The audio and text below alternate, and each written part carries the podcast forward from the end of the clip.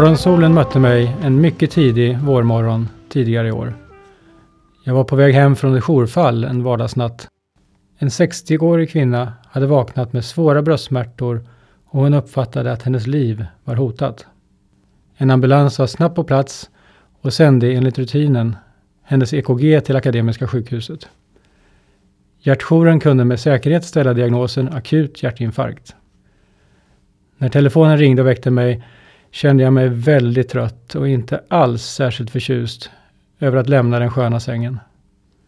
Nu väntade ett par timmars arbete och natten var förstörd. Men rapporten från jouren var tydlig.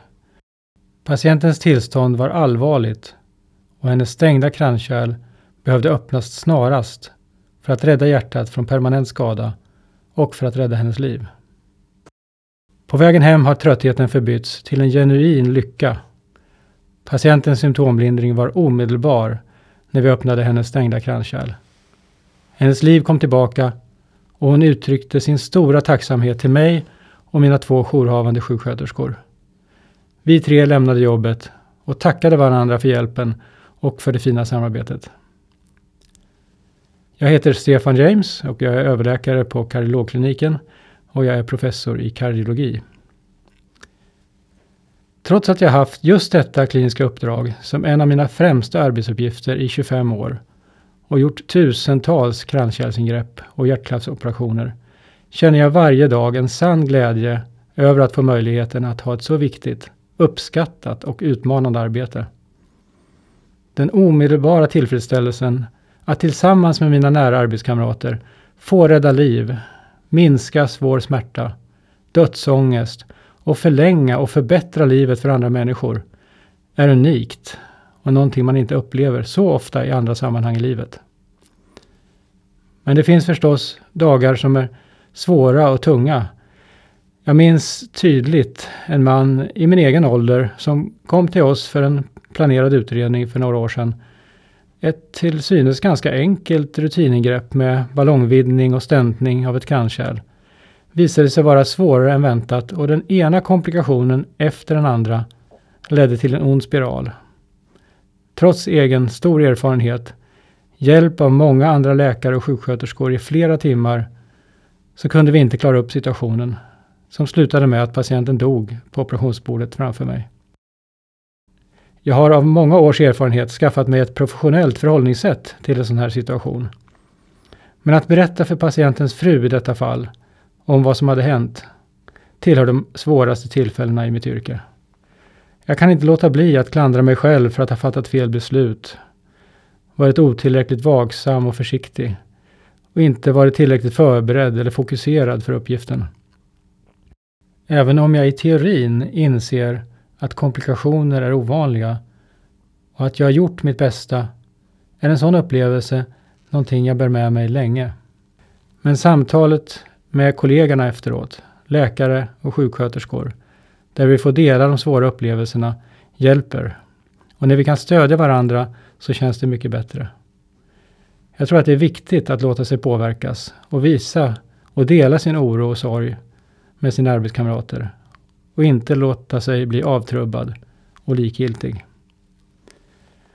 Med lite distans och eftertanke inser jag också att både de lyckade fallen och ännu mer de misslyckade, komplikationerna och motgångarna gör mig till en bättre läkare och i förlängningen till en bättre människa.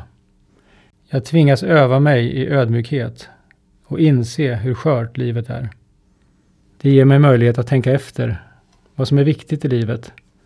Jag blir mer tacksam för det jag har och det jag är rädd om. Jag uppskattar verkligen mina medarbetare som gör jobbet så utvecklande och roligt. Läkaryrket var inte självklart för mig som barn och ungdom. Jag hade visserligen lätt för mig i skolan och möjlighet att välja ganska fritt bland utbildningar. Men både kemi, biologi och ingenjör verkade attraktivt. Jag tror att det var två faktorer som påverkade mig att ändå välja läkarutbildningen. Min pappa som var en mycket händig och begåvad ortoped var och är ett stort föredöme. Det var framförallt hans arbetsglädje och yrkesstolthet som påverkade mig. Hur glad han var över lyckade operationer. Människor som var tacksamma och för glädjen att utveckla ortopedin från grunden. Den andra faktorn var en svår sjukdomsperiod i övre tonåren. Ett akut svårt skov av en inflammatorisk tarmsjukdom ledde till en tarmperforation med peritonit och svår abscessbildning. Jag kom till insikt att om jag överlever så ska jag försöka ägna mitt liv åt något som betyder något för andra. Och att få ägna mig åt akut och svår hjärtsjukdom har blivit min mission i livet. Förutom klinisk praktisk sjukvård har jag ägnat mitt yrkesliv åt att ställa frågor och söka svar.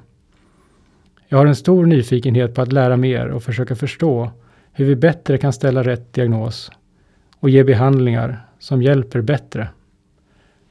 Mina forskningsfrågor har ofta kommit från den kliniska vardagen. Vad beror en hjärtinfarkt på? Hur kan man säkerställa diagnosen snabbt och säkert? Vilken medicinsk behandling är bäst i olika situationer? Vilken typ av operation eller strategi är bäst? Några frågor som jag försökt besvara gäller till exempel hur man får bort blodproppar i ett kranskärl vid akut hjärtinfarkt. Jag har utvärderat flera blodproppshämmande läkemedel och försökt att hitta rätt balans mellan att effektivt förhindra blodpropp utan att skapa oacceptabelt stor risk för blödning. För cirka tio år sedan blev det populärt att suga ut blodproppar ur kranskärlen med en liten sugkateter. För oss kardiologer var det en fantastisk upplevelse att se proppen i kärlet, suga ut den med en liten sugkateter och se hur blodflödet kommer tillbaka och sen visa patienten att proppen som stängde kärlet nu är borta. Det är så intuitivt tilltalande att använda denna teknik att det för många kändes oetiskt och omöjligt att ens ifrågasätta om det var bra. Men det fanns också en risk att den lilla mängd propp som vi kunde suga ut var marginell i förhållande till mängden blodpropp som fanns kvar i kärlet och att vi petade iväg det mesta med blodflödet så att skadan blev större. Det fanns också en risk att vi sög bort lite blodproppar i hjärtats kärl men spillde dem upp till hjärnan när vi skulle ta ut dem ur kroppen. Ungefär hälften av patienterna med akut hjärtinfarkt fick denna behandling i Sverige och chansen, eller risken, att få den varierade från 0 till 100 procent beroende på vilken doktor man som patient råkade träffa. Om behandlingen är bra, då borde väl alla få den? Om den är dålig, borde väl ingen få den?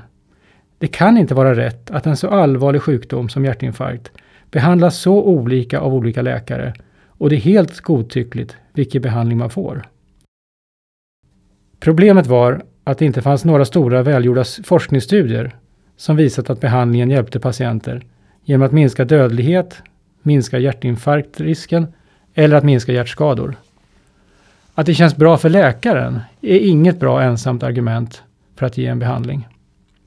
Vi designade därför en studie som skulle kunna besvara frågan om blodproppsugning minskar dödligheten. Vi såg till att studien skulle vara så enkel att delta i att även de som aldrig hade gjort någon forskning förut skulle kunna vara med. Och vi övertygade nästan alla kardiologer i landet att delta i studien. Tack vare detta kunde vi genomföra den största studie på en medicinsteknisk produkt som någonsin gjorts inom hjärtsjukvården i världen. Vi lottade över 7000 patienter efter informerat samtycke till att få akut ballongvidgning med eller utan blodproppssugning. En så stor studie kunde genomföras i Sverige tack vare vår sammanhållna, väl fungerande sjukvård, våra nationella kvalitetsregister och sammanhållning. Den kunde inte ha genomförts i USA, Kina eller i övriga Europa. Studien visade att behandlingen inte gjorde någon som helst nytta för patienter och det fanns faktiskt en tendens att risken för stroke ökade. Studiens resultat påverkade internationella behandlingsriktlinjer för hjärtinfarkt nästan omedelbart och de flesta läkare i Sverige och internationellt slutade att använda blodproppssugning. Genom att sluta använda denna produkt sparade vi cirka 10 miljoner årligen för sjukvården i Sverige. Samhällets kostnad för studien återbetalades på så sätt cirka fem gånger om året. Forskningen var till direkt nytta för patienter och den sparade pengar för sjukvården. Vi måste veta att behandlingar gör nytta innan vi börjar använda dem. Annars förleds vi att göra fel med höga kostnader för samhället som följd och med risk för patienterna. Vi kan inte tro och hoppas att mediciner, operationstekniker eller medicinstekniska produkter gör nytta. Det måste bevisas genom vetenskapliga studier. Det var på grund av brist på vetenskapliga studier som man under århundraden behandlade alla sorters sjukdomar med vattenlavemang helt utan effekt. Och lika många sjukdomar med åderlåtning, till och med blodbrist. När min pappa läste läkarutbildningen på 50-talet behandlade man hjärtinfarkt med att ligga stilla i sängen med varma muddar runt handlederna i flera veckor. Det var naturligtvis livsfarligt. Om man inte dog av sin hjärtinfarkt så dog man av blodproppar i benen och lungorna av att ligga still. När jag blir sjuk, då vill jag veta om behandlingen hjälper eller inte. Jag vill inte ha den behandlingen man trodde var bra förr. Jag vill ha den behandling som är bevisad vara bäst idag och gärna få chans att vara med och utvärdera den behandling som experterna tror kommer vara bäst imorgon. Jag tycker att det är slöseri med tid och resurser att vi som läkare inför en enskild patient bara ställer diagnos och behandlar. Varje patient och varje situation bör också användas för att undervisa och söka systematisk kunskap genom forskning. Vi har en skyldighet att undervisa på alla nivåer till alla yrkesgrupper. Och det har ett egenvärde. När jag själv blir äldre ökar risken för sjukdom och jag vill själv få träffa välutbildad personal. Jag hoppas verkligen att jag kan sluta arbeta en dag och veta att mina yngre kollegor kan mer än vad jag någonsin kunde. Varje patient kan också bidra till forskning genom att dela sina vårddata, genom att delta i kvalitetsregister och delta i forskningsstudier. Jag tycker att alla patienter ska ha rättighet att erbjudas att delta i en klinisk prövning. För sin egen skull och för andras bästa och för samhällets skull. Om vi systematiskt använder varje vårdtillfälle för sjukvård, undervisning och forskning kan vi tillsammans skapa något som brukar kallas för ett lärande sjukvårdssystem. Det är en sjukvård som blir självlärande genom att vi skapar goda cirklar. Mer kunskap ger bättre vård, som skapar nya frågor, som skapar mer forskning, som ger mer kunskap, som ger bättre vård och så vidare. Jag har förmånen att arbeta i många länder med forskning och sjukvård. Där jag sett många exempel på bra och dålig vård. På många håll i världen drivs sjukvården mer av pengar och vinst än vad som är bra för patienterna. Svensk sjukvård tillhör på många sätt världens bästa. Även om vi nu under en period har det kämpigt inom svensk sjukvård med personalbrist och sämre resurser än vad vi är vana vid, så är jag stolt över svensk offentlig sjukvård.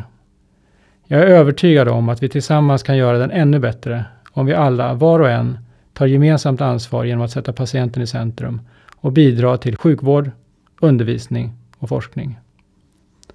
Till helgen har jag jour igen. Det blir tufft. Men jag kommer att vara lika glad när jag ser morgonsolen efter någon svår men viktig arbetsuppgift tillsammans med mina kompisar på sjukhuset. Tack för att ni har lyssnat.